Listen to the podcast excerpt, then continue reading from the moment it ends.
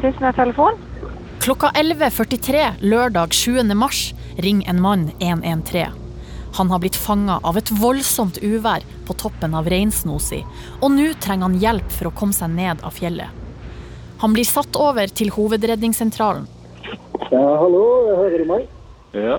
Ja, jeg har beslutta å eh, grave meg ned nå, da. Har du et posisjon? Jeg har ikke noe retningssans eller noe referanse i det hele tatt. Så Jeg, skjønner.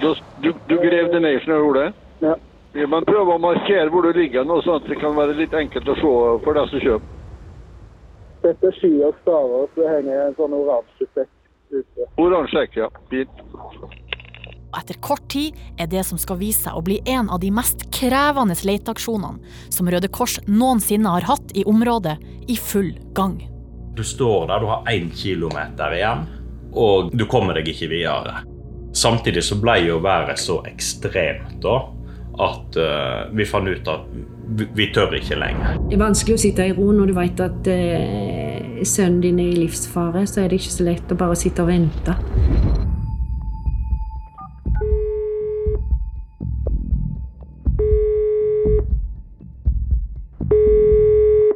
Hører på SOS Nødtelefonen, og det her er historia om mannen som ble tatt av uværet.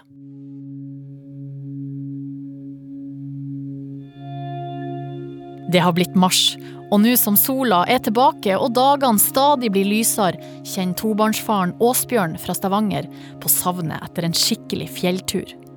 42-åringen er en erfaren skigåer og har deltatt i flere frikjøringskonkurranser.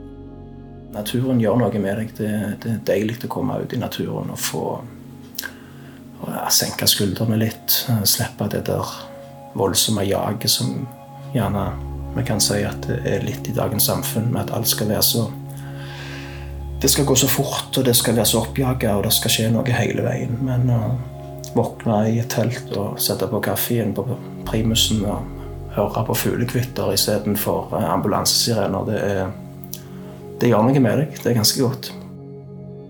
Åsbjørn bestemmer seg for å høre om kompisen Dan har lyst til å være med på tur. De møttes gjennom felles bekjente i Røldal. De deler lidenskapen for topptur og har stått mye på ski i lag opp igjennom årene. Jeg sendte en melding til Dan om, eh, om han var hjemme. Han jobber jo offshore, så jeg eh, kikket litt på værmeldingen og så at de hadde meldt fint vær et par dager fram i tid. og Sendte en melding, spurte om han var hjemme, og fikk svar at det var han. Og ut ifra det så planla vi å ta en eh, topptur. Jeg spant innom en eh, butikk og fikk kjøpt meg eh, feller til noen breie, gode planker jeg har. Åsbjørn kaster seg i bilen og kjører den tre timer lange turen fra Stavanger til Røldal, der Dan bor. Der planlegger de turen de skal gå dagen etter. De skal gå opp til Reinsnosi, et fjell på 1638 høydemeter. Det er en krevende tur, og nyeste værvarsel sier at det skal tjukten til på lørdags ettermiddag. Nei, jeg var litt gira, jeg må si det. Jeg, eh, jeg var, var klar for å komme meg eh, opp. Det ble ikke sånn veldig mange timene med søvn. 38 år gamle Dan jobber offshore, men de ukene han ikke er på jobb, er han ute i naturen nesten hver eneste dag, sommer som vinter. Til sammen har de mye erfaring fra fjellet, og før de tar kvelden har de en liten diskusjon om hva slags utstyr de skal ta med seg, blant annet om de skal ta med skredsøker eller ikke. Ja, jeg hadde lyst til å ha med skredsøker. Dan var ganske overbevist om at eh, den ruta hadde han gått så mange ganger før at skredsøker var ikke noe vi trengte å ha med akkurat på denne turen pga. Det var ikke noe fare for skred. Vi kan vel i etterpåklokskapens lys eh, tenke at det gjerne hadde vært veldig greit at han hadde hatt en sånn på kroppen.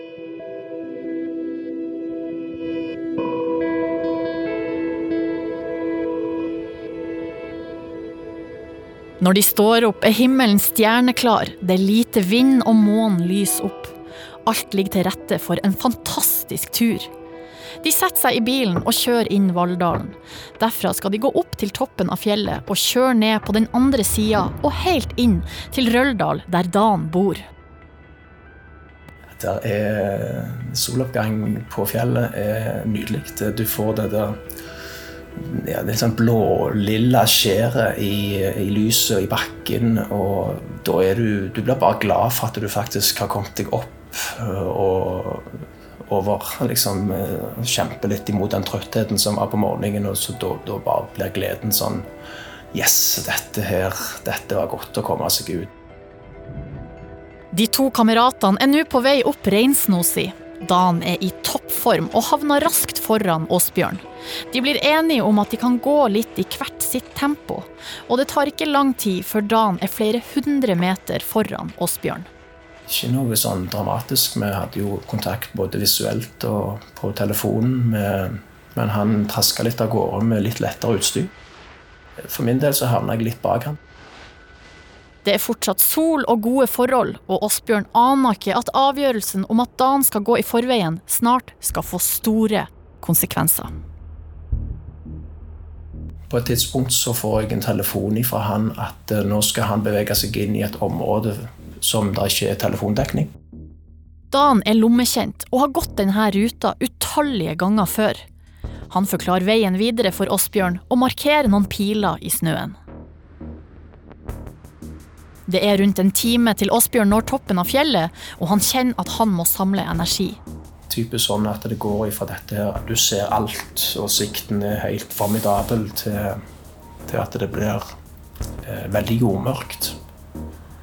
Og det skaper jo litt grann eh, holdt på å si ikke, Jeg blir ikke litt sånn panisk i det hele tatt, men det blir litt sånn Å nei, søren, jeg vil komme meg ned igjen mens det er fint vær her.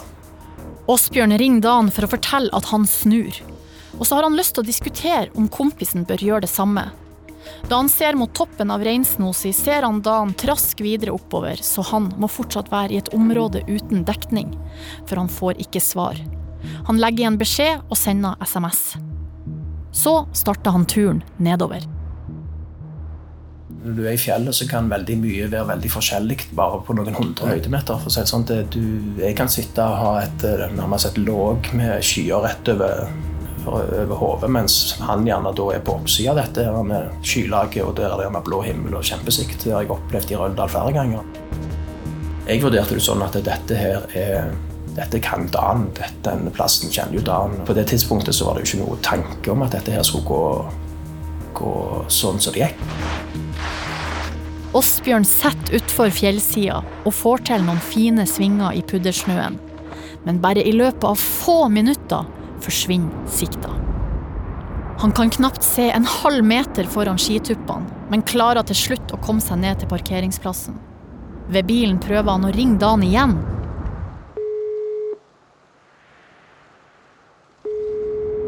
Uten hell.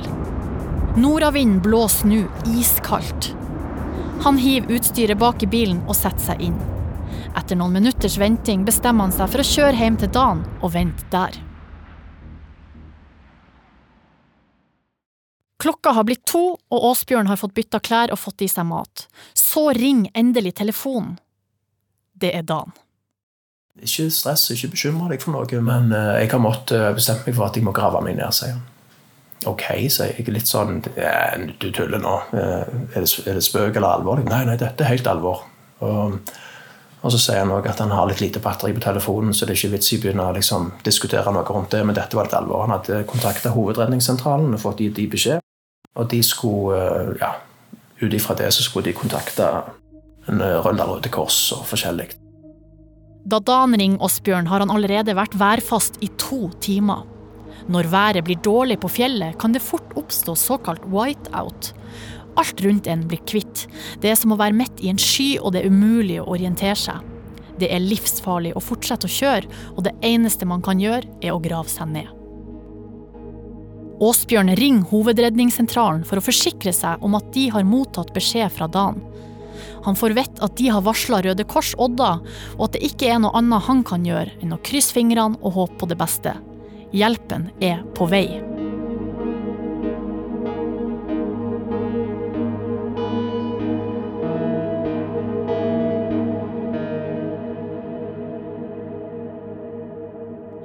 Par timer unna får Per Magne fra Odda Røde Kors en telefon fra aksjonsledervakta i Hardanger.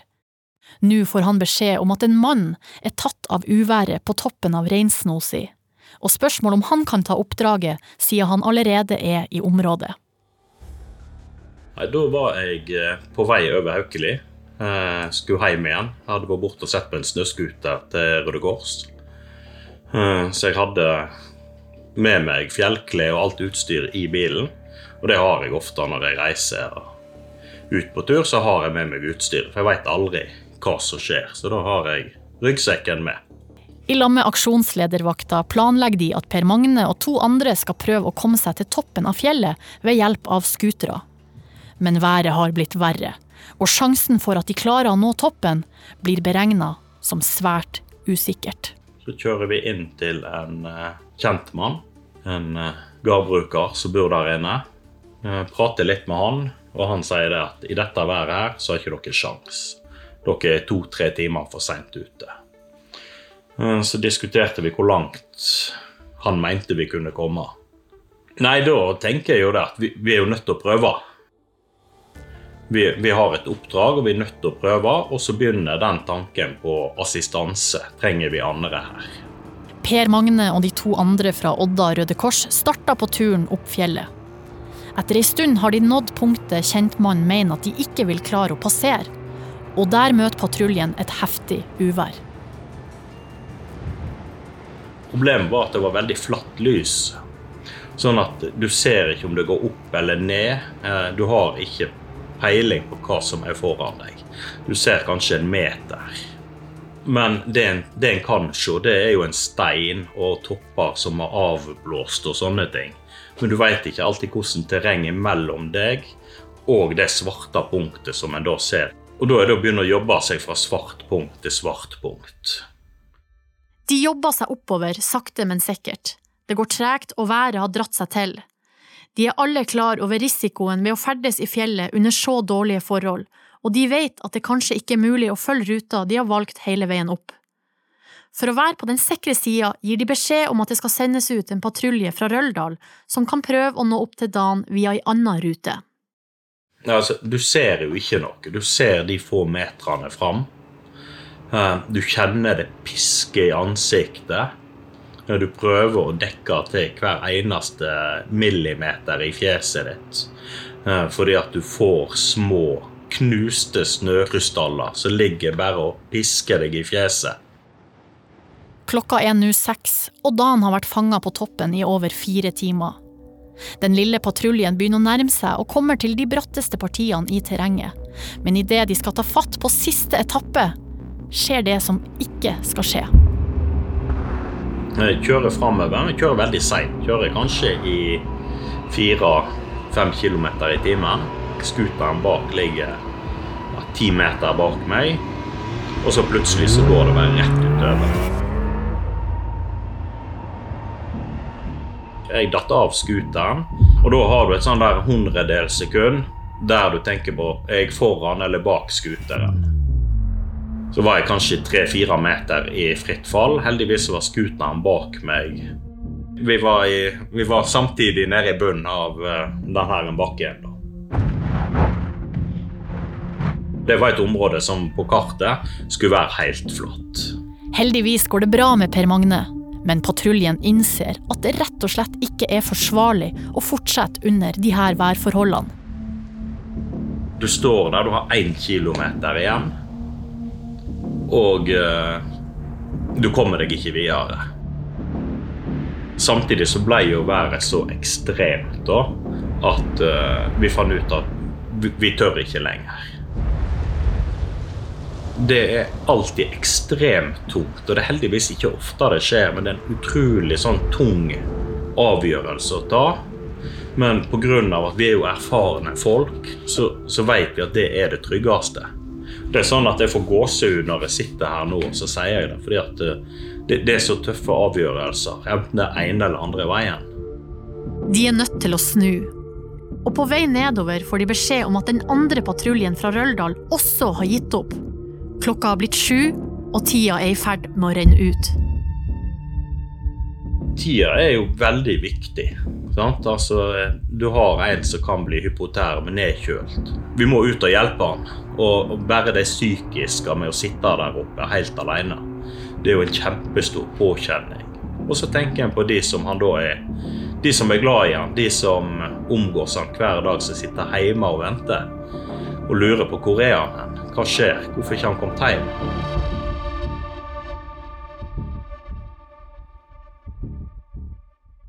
Hjemme i Odda sitter Grete, mora til Dan.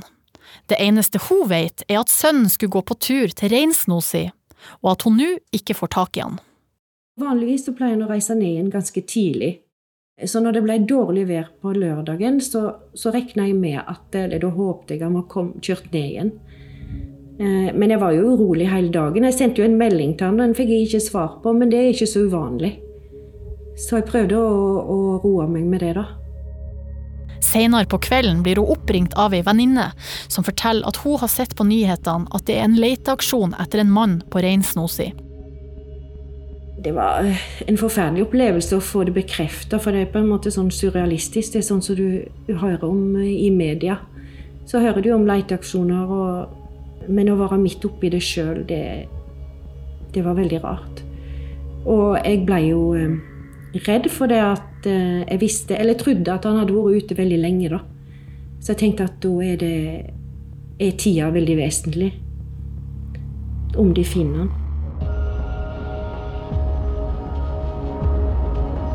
Det har blitt mørkt, og temperaturen på toppen av reinsnosi har falt til 14 minusgrader. Etter det mislykka forsøket med å nå toppen, setter Hovedredningssentralen og politiet inn flere ressurser, og alle gjør alt de kan for å redde han. Det som starta som en henteaksjon, har nå blitt en storstilt leteaksjon, og Per Magne fra Røde Kors Odda blir bedt om å lede aksjonen.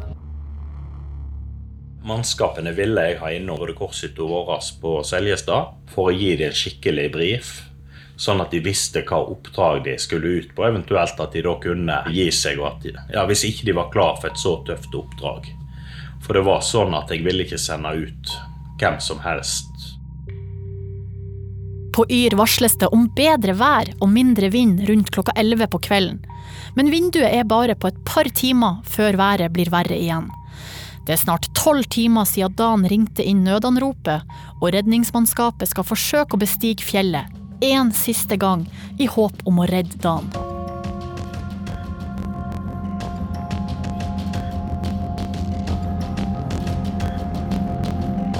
Turkameraten Åsbjørn har dratt hjem igjen til familien i Stavanger. Han har prøvd å bistå letemannskapet underveis med informasjon om ruta de gikk. Rundt klokka 11 på kvelden blir han oppringt av politiet, som informerer om at de skal gi det et nytt forsøk. Åsbjørn kjenner han begynner å bli nervøs for kompisen sin.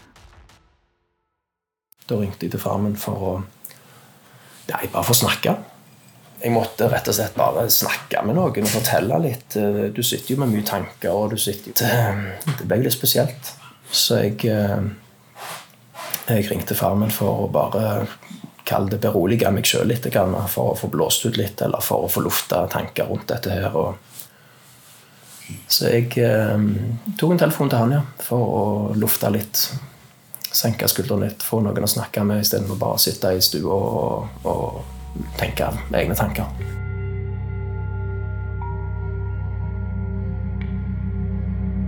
En patrulje fra Røldal Røde Kors setter igjen ut i vinternatta, mens Odda Røde Kors og Per Magne bistår over nødnettet. Turen oppover fjellet går nå litt raskere, men halvveis oppe møter de på skavla og bratte fjellsider. De første to rutene de prøver seg på, viser seg å være umulig, men ved tredje forsøk lykkes de endelig å komme seg opp på toppen.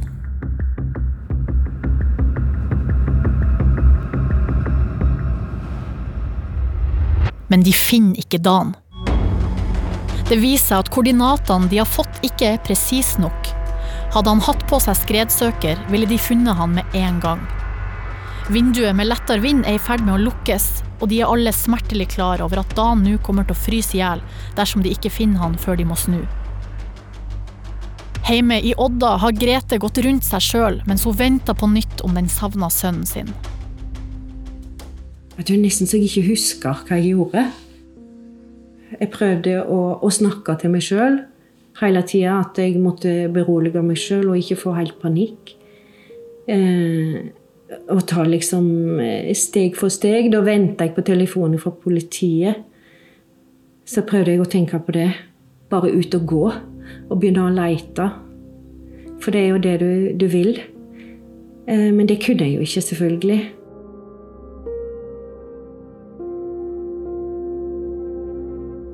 Været blir dårligere og dårligere på toppen av Reinsnosi. Tåka ligger tett, og patruljen har leita etter Dan i nesten en halvtime. Men plutselig får de inn nye koordinater fra politiet. Da eh, kom det på radioen, så hører vi stemma til Jostein i Røldal. Dan i Ein, dette er Røldal 2-1. Vi har gjort funn av eh, Dan. Han lever. Da ser vi jo på hverandre og eh, ja. Vi, vi er stolte av den jobben som vi har gjort, og hva vi har vært med og bidratt til. Eh, gleden var til å ta og føle på. Etter nesten 14 timer på fjellet er dagen endelig funnet. Plutselig hørte skuterdur. Eh, Og så lyst. Det ble så jævla lyst. Det var akkurat som det ble dag. Ja. Så Så da var det å være sånn eh, Når jeg tenker på det og snakker om det nå i ettertid, så er det Det tidspunktet der er veldig sånn eh, emosjonelt. da. Det, jeg visste ikke helt eh, Kommer de virkelig nå, liksom? Er det virkelig Får jeg hjelp nå? Og det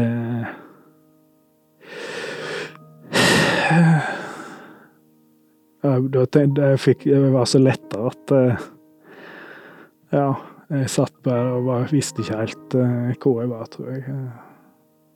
Og jeg hørte stemmer og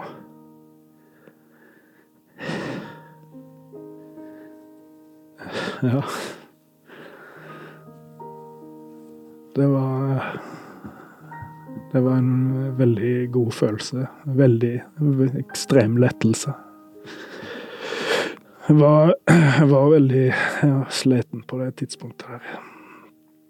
Så det er jo et av de der mest kontrastfylte øyeblikkene fra å være jeg følte kanskje jeg nærma meg en situasjon som kunne være livstruende, til at eh, de lager et hull inni snøhullet der og Hei, her har du litt varmt te. Og så hadde de sånn eh, drytech med seg. Og her er litt eh, pasta bolognese. Må bare la den trekke et par minutter. Jeg bare Ja. Ja vel. Jeg husker jeg bare var litt sånn perpleks, da. Ja. Det var liksom to veldig kraftige ytterpunkter. Så Ja. Det har jeg tenkt veldig mye på. Dan har blitt redda, men nå gjelder det å komme seg ned av fjellet før det blåser opp igjen. Så jeg prøvde nå bare klamre meg fast bakpå der.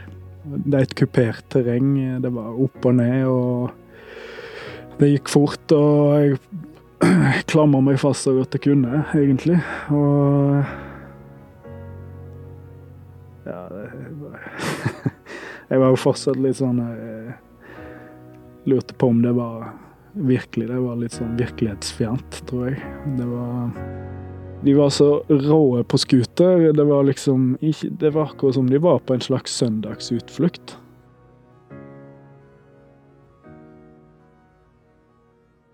Jeg hadde stålkontroll og var ekstremt profesjonelle, altså. Det er jo Hvis det ikke hadde vært at disse karene fra Røldal hadde så lang erfaring fra å være ute og, og kjøre scooter, så hvis, hvis de ikke hadde Da hadde jeg jo blitt værende der oppe. Det er jo det som utgjør en forskjell i denne historien her. Det er ikke noe tvil om det.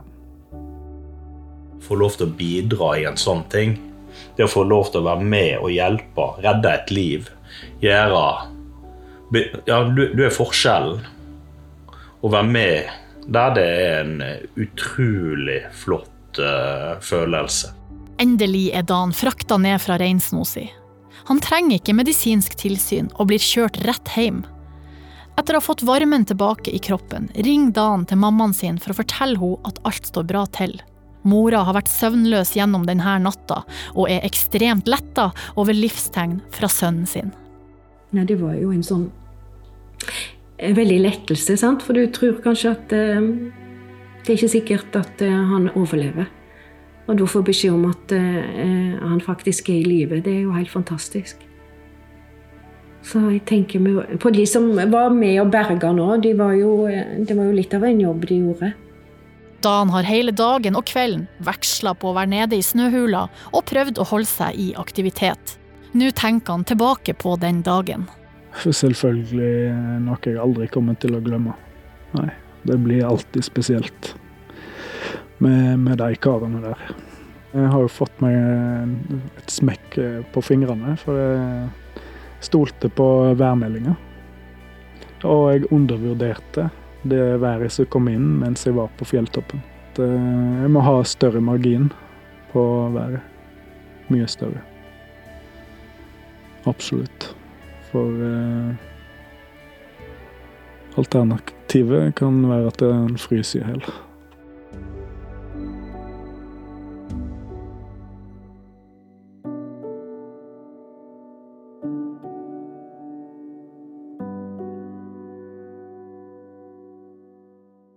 Denne podkasten er produsert av Anti for NRK. Og den er laga av Mari Kvale, Sara Taslimi, Hege Gorder Nordli, Kent Kampesveen og meg, Silje Nordnes. Produsent i Anti er Elisabeth Stabel, og vår redaktør i NRK er Mirja Minjares.